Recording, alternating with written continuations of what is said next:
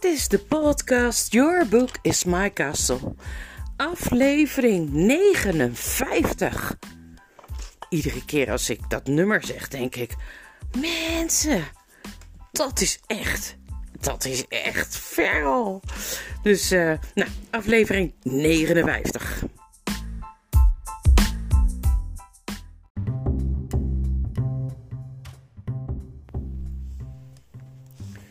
We zijn al bij het twaalfde hoofdstuk van Het Paard en de Jongen in de serie De Kronieken van Narnia. En boven dit hoofdstuk staat Shasta in Narnia. Wauw, hij redt het om daar te komen. Jee. Goed, gaan we eerst eens even lezen. Zou ik het soms allemaal gedroomd hebben?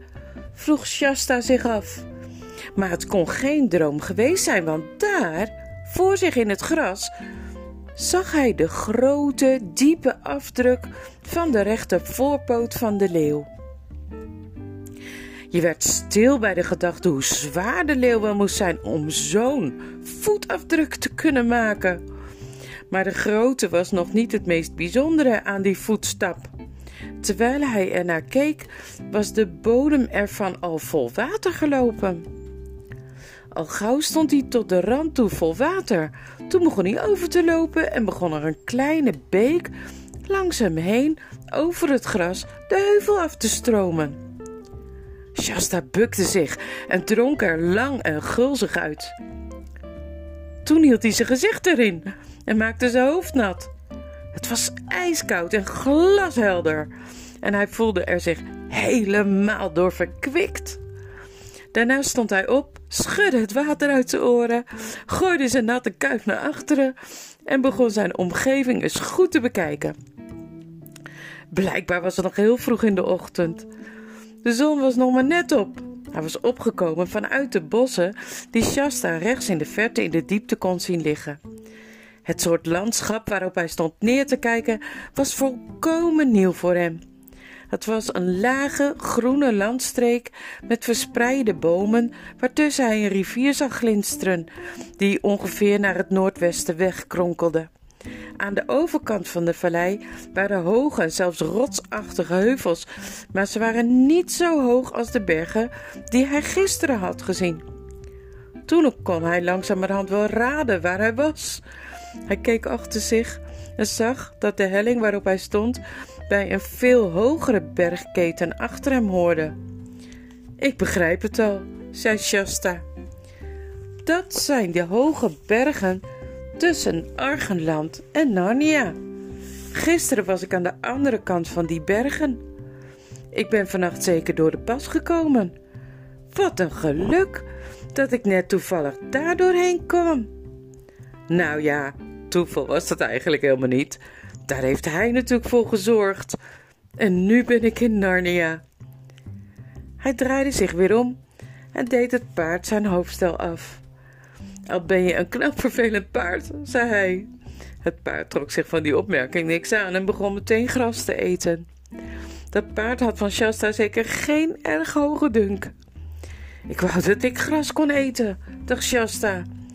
Het heeft geen zin terug naar Anvar te gaan. Dat is vast helemaal omzingeld. Ik kan beter afdalen, verder het dal in, om te kijken of ik daar iets te eten kan krijgen. Dus hij liep verder de berg af.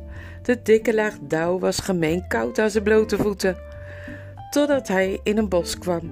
Er liep een soort pad door, dat hij nog niet lang gevolgd had toen hij een dikke, wat heigerige stem tegen zich hoorde zeggen: Goedemorgen, buurman.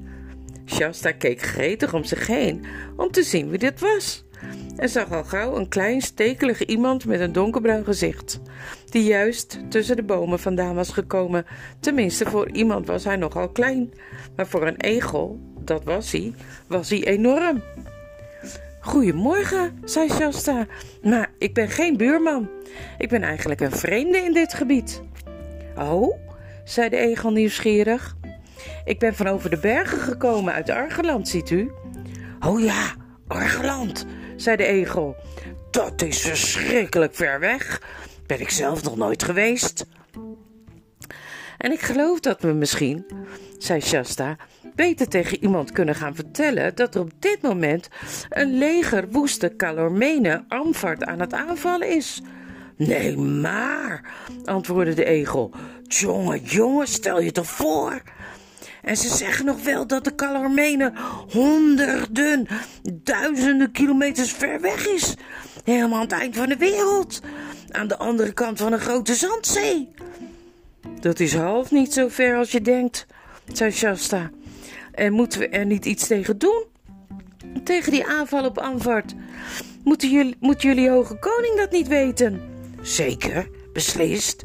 Daar moet iets aan gedaan worden, zei de egel. Maar zie je, ik ben net op weg naar mijn bed. Ik heb mijn dagrust nodig hoor. Hallo, buurman. Die laatste woorden waren gericht tot een enorm koekkleurig konijn, wiens hoofd juist ergens naast het pad boven de grond was verschenen. De egel vertelde dadelijk aan het konijn wat hij zojuist van Shasta had gehoord. Ook het konijn vond het een heel bijzonder nieuwtje en vond dat iemand het aan iemand zou moeten gaan vertellen, zodat er iets aan gedaan kon worden. En zo ging het maar door. Om de zoveel minuten kwamen er nieuwe wezens bij staan. Sommige vanuit de takken boven hun hoofd, sommige uit ondergrondse huisjes aan hun voeten. Totdat de groep bestond uit vijf konijnen, een eekhoorn, twee eksters, een faun met geitenpootjes en een muis die allemaal door elkaar praten en het allemaal met de egel eens waren. Want eigenlijk leefden de kleinere bosbewoners van Narnia in die gouden eeuw, toen de tovenares en de winter verdwenen waren en de hoge koning Peter op Ker Paravel regeerde, zo veilig en gelukkig dat ze een beetje zorgeloos begonnen te worden. Maar nu, na een poosje, kwamen er twee die wat praktischer waren, dat kleine bos in. De ene was een rode dwerg, die Duffel scheen te heten, en de ander was een groot hert, een prachtig edeldier met grote smeltende ogen, gevlekte flanken en poten zo rank en sierlijk dat ze eruit zagen of je ze zo met twee vingers door kon breken. Lieve leeuw, nog aan toe, brulde de dwerg, zodra hij het nieuws hoorde. Als dat zo is, waarom staan we hier dan nog met z'n allen te kletsen? De vijand in Anvart? We moeten meteen bericht naar Kerpervel sturen. Het leger moet bij elkaar geroepen worden. Narnia moet koning Lune te hulp komen. Ja, zei de egel. Maar de hoge koning zal je niet op Ker vinden. Die is weg, naar het noorden, om de reuzen een les te leren. En over reuzen gesproken, buurtjes, dat doet me eraan denken. Wie brengt onze boodschap over? onderbrak de dwerg. Is er iemand die het sneller kan dan ik? Ik kan wel snel, zei het hert. Wat moet ik zeggen? Hoeveel kalormenen? Tweehonderd, onder leiding van prins Rabedash en... Maar het hert sprong weg, met alle vier zijn poten tegelijk van de grond. En in een oogwenk was zijn witte staartmerk uit het gezicht verdwenen tussen de bomen in, het vert, in de verte. Waar zou die nou heen gaan? zei een konijn. Op Kerparavel zal hij de hoge koning heus niet vinden. Maar koningin Lucie wel, zei Duffel. En dan, hela, wat is er met die mens aan de hand? Hij ziet een beetje groenig. Nee, maar ik geloof dat hij gaat flauwvallen. Misschien is hij wel uitgehongerd. Wanneer heb je voor het laatst gegeten, jongen? Gisterochtend, zei Shasta zwakjes. Kom mee, kom mee, zei de dwerg. En hij sloeg meteen zijn stevige armen om Shasta's middel om hem te ondersteunen.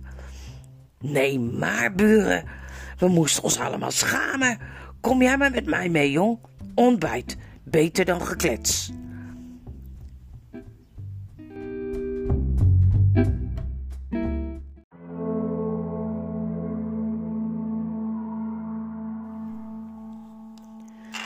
Met veel drukte bracht de dwerg Shasta snel dieper het bos in. Een beetje verder de heuvel af. Hij liep op zichzelf te mopperen, omdat hij daar niet eerder aan gedacht, en ondersteunde Shasta bij het lopen. Het was verder lopen dan Shasta op dat moment eigenlijk kon. en zijn benen begonnen al behoorlijk te beven voordat ze het bos weer uitkwamen en op de kale heuvel stonden. Daar stond een klein huisje.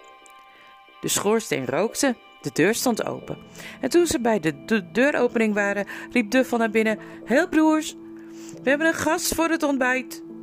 Meteen kwam Shasta, tegelijk met een sissend en spetterend geluid, een verrukkelijke geur tegemoet. Hij had die geur nooit van zijn leven geroken, maar jij wel, hoop ik. Het rook naar eieren met spek en champignons die in een koekenpan werden gebakken. Stoot je hoofd niet, jong, zei Duffel net iets te laat, want Shasta was al met zijn voorhoofd tegen de lage bovenkant van de deur aangeknald. Zo, ging de dwerg verder, ga maar zitten. De tafel is voor jou wel een beetje laag, maar het krukje gelukkig ook. Mooi zo. Hier is vast pap en hier staat een kan met room. Hier heb je een lepel. Tegen de tijd dat Jasta zijn pap op had, zetten de twee broers van de dwerg, die Rogin en Brokkelduim heten, de schaal eieren met spek en champignons op tafel en de koffiepot, de warme melk en het geroosterde brood. Het was voor Shasta allemaal nieuw en heerlijk, want het eten in Kalormen is heel anders. Hij wist niet eens wat dat voor bruine plakjes waren, want hij had nog nooit geroosterde boterhammen gezien. Hij wist niet wat dat zachte gele spul was dat ze op, de boot, op, de, op het brood smeerden. Want in Kalormen krijg je haast altijd olie in plaats van boter. Ook het huisje zelf was heel anders dan het donkere benauwde hutje van Archis, dat altijd naar vis stonk. Of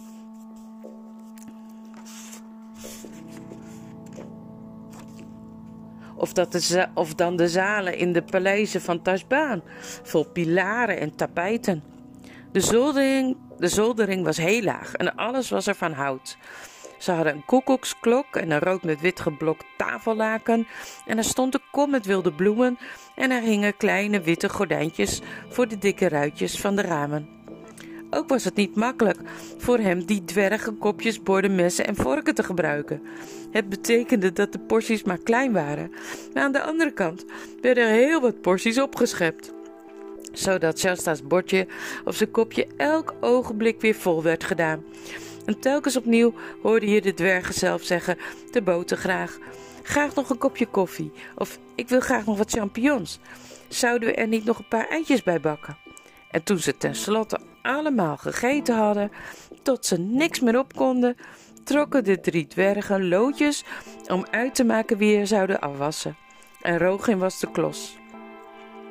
Daarna namen Duffel en Brokkelduim Shasta mee naar buiten, naar een bank die langs de muur van het huisje liep. Daar strekten ze allemaal lekker hun benen uit en slaakten een diepe zucht van tevredenheid en staken de dwergen een pijpje op. De dauw was nu van het gras verdwenen en de zon was al warm. Als er niet een klein beetje wind had gestaan, zou het zelfs al te heet zijn geweest. Zo, vreemdeling, zei Duffel. Nu zal ik je eens wijzen hoe het land eruit ziet. Je kunt van hier bijna het hele zuiden van Narnia zien. En we zijn best trots op ons uitzicht. Heel in de verte aan je linkerhand, achter die heuvels daar vooraan, kun je nog net de Westerbergen zien. En die ronde heuvel rechts, in de verte, heet de heuvel van de stenen tafel. Net daarachter. Maar op dat moment werd hij onder, onderbroken door gesnurk. Shasta was, na zijn reis van die nacht en dat uitstekende ontbijt, vast in slaap gevallen. Zodra ze dat merkten, begonnen de goeie dwergen elkaar te beduiden dat ze hem niet wakker moesten maken. En ze waren zo druk aan het fluisteren en knikken en opstaan en op hun tenen wegsluipen, dat hij er beslist wakker van geworden zou zijn als hij minder moe geweest was. Hij sliep bijna de hele dag door, maar werd op tijd wakker voor het avondeten. De bedden daar in huis waren allemaal te klein voor hem, maar ze maakten een lekker bed van hei voor hem op de grond. En de hele nacht sliep hij als een blok. De volgende ochtend hadden ze juist het ontbijt op toen ze buiten een schel en opwindend geluid hoorden. Trompetten! zeiden de dwergen alle drie, terwijl zij en Shasta met z'n allen naar buiten renden. Opnieuw klonken de trompetten. Een nieuw geluid voor Shasta. Niet dreunend en plechtig zoals de hoorns van Tashbaan, of vrolijk en blij zoals de jachthoorn van koning Lune, maar helder, duidelijk en onbevreesd. Het kwam uit de bossen aan de voorkant en al gauw hoorden ze het vermengd met het geluid van paardenhoeven. Even later kwam de voorkant van de kolonne in zicht.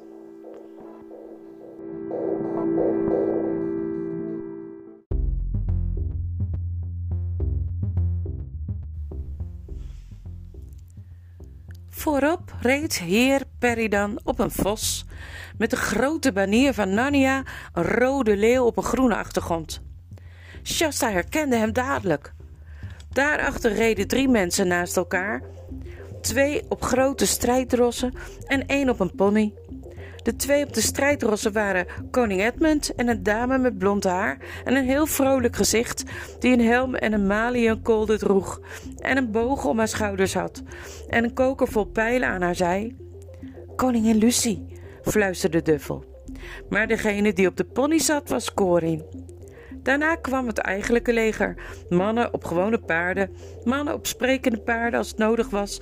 Zoals wanneer Narnia oorlog voerde, vonden die het niet erg om bereden te worden. Centauren, strenge, vastberaden beren, grote sprekende honden en helemaal achteraan zes reuzen. Want in Narnia wonen goede reuzen. Maar al wist hij dat ze aan de goede kant stonden, toch durfde Shasta eerst bijna niet naar ze te kijken. Aan sommige dingen raak je nou eenmaal niet zo snel gewend. Net toen de koning en de koningin bij het huisje waren en de dwergen diepe buigingen voor hen begonnen te maken, riep koning Edmund: Zo, vrienden, tijd voor een rustpauze en iets te eten. De steen was er een geroezemoes van mensen die van hun paarden stapten, van haverzakken die opengemaakt werden en van gesprekken die begonnen terwijl Corin naar Shasta toe kwam rennen hem met beide handen greep en uitriep: Wat? Jij hier? Dus je bent er veilig doorgekomen. Wat ben ik blij. Wat zullen we samen plezier hebben? Moet je horen wat een geluk we hebben. Gistermorgen pas voeren we de haven van Kerpervel binnen. En de allereerste die ons daar stond op te wachten was Kervo het hert. Met al dat nieuws over een aanval op Antwoord. Vind je niet...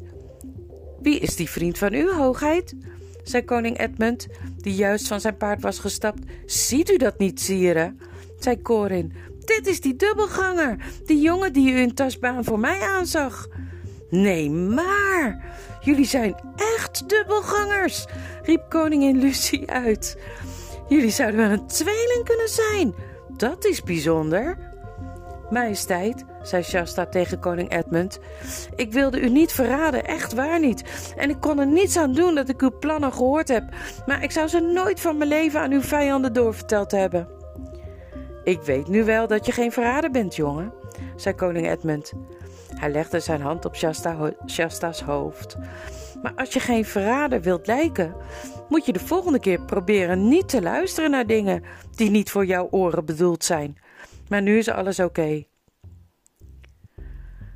Daarna werd er zo geroezemoest en gepraat en heen weer gelopen dat Shasta, Corin, Edmund en Lucie uit het oog verloor. Maar Corin was een jongen die nooit lang onopgemerkt bleef en al heel gauw hoorde Shasta koning Edmund roepen: bij de manen van de leeuw, prins.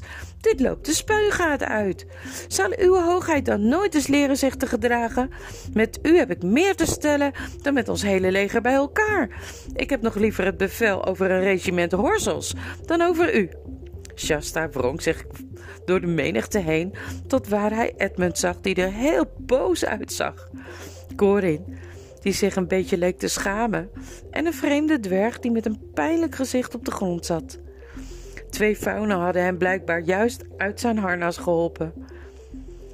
Als ik mijn drankje bij me had, hoorde hij koningin Lucie zeggen, zou ik dit weer spoedig in orde kunnen maken. Maar de hoge koning heeft me uitdrukkelijk bevolen het niet zomaar in elke oorlog bij me te dragen en het alleen te bewaren voor ernstige noodgevallen. Het was zo gegaan. Zodra Corin met Shasta uitgepraat was, was hij aan zijn elleboog getrokken door een dwerg uit het leger die Doreluur heette. Wat is er, Doreluur? had Koring gezegd. Koninklijke hoogheid, zei Doreluur. terwijl hij hem wat terzijde trok. Onze mars van vandaag brengt ons door de pas en helemaal tot bij het slot van uw koninklijke vader. Voordat het donker wordt, zijn we misschien al aan het vechten. Ik weet het, zei Corin. Spannend, hè? Spannend of niet, zei Doreluur. Ik heb van koning Edmund uitdrukkelijk bevel gekregen erop toe te zien dat uw hoogheid niet aan het gevecht deelneemt. U mag toekijken en dat is voor iemand van uw hoogheids jonge leeftijd al een hele eer. Ach, wat een onzin, barstte Corin uit. Tuurlijk vecht ik mee. Koningin Lucie is notabene bij de boogschutters. Hare majesteit de koningin kan zelf doen wat ze wil, zei Doreluur. Maar ik ben voor u verantwoordelijk.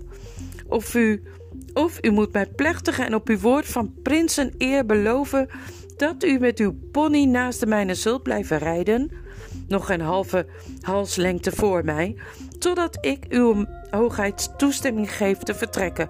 Of anders, zijn majesteits eigen woorden, moeten we als twee gevangenen met onze pols aan elkaar gebonden worden. Als je probeert mij vast te binden, geef ik je pak op je falie, zei Corin. Dat wil ik uw hoogheid wel eens zien proberen, zei de dwerg. Dat was voor een jong als Corin te veel. Tel later gingen de dwerg en hij elkaar te lijf. Het zou een gelijke strijd zijn geweest, al had Corin langere armen en was hij groter, want de dwerg was ouder en gespierder, maar hij werd nooit uitgevochten. Dat heb je ervan als je wilt vechten op een ruige helling. Want Doreleur trapte per ongeluk op een losse steen, viel plat op zijn neus. En toen hij wilde opstaan, merkte hij dat hij zijn enkel verstuikt had. Een ernstige kneuzing die pijn deed. En waardoor hij minstens veertien dagen lang niet zou kunnen lopen of paardrijden. Kijk nu eens wat uw hoogheid gedaan heeft, zei koning Edmund. Nu hebt u ons vlak voor het begin van een strijd van een ervaren krijger beroofd. Ik neem zijn plaats wel in, sire, zei Corin. Pff, zei Edmund. Niemand twijfelt aan uw moed, maar een jongen die meevecht in een veldslag is voor niemand een gevaar, behalve voor zijn eigen kant. Op dat moment werd de koning weggeroepen voor iets anders. En nadat de dwerg netjes zijn excuses had aangeboden, nadat hij, de dwerg, netjes zijn excuus had aangeboden, rende Koren naar Shasta toe en fluisterde: Vlug, nu is er een pony over en het harnas van de dwerg. Doe aan, voordat iemand het merkt. Waarom? Zei Shasta. Omdat jij en ik dan mee kunnen vechten in de veldslag natuurlijk. Wil je dat niet? Oh, uh, ja, natuurlijk, zei Shasta. Maar dat was hij helemaal niet van plan geweest. En er begon een heel vervelend, prikkelend gevoel over zijn ruggengraat te lopen. Zo ja, zei Corin, over je hoofd heen. Nu de zwaardkoppel, maar we moeten helemaal in het achterste stuk van de kolonne rijden en zo stil zijn als muizen. Als de veldslag eenmaal begonnen is, hebben ze het allemaal veel te druk om op ons te letten.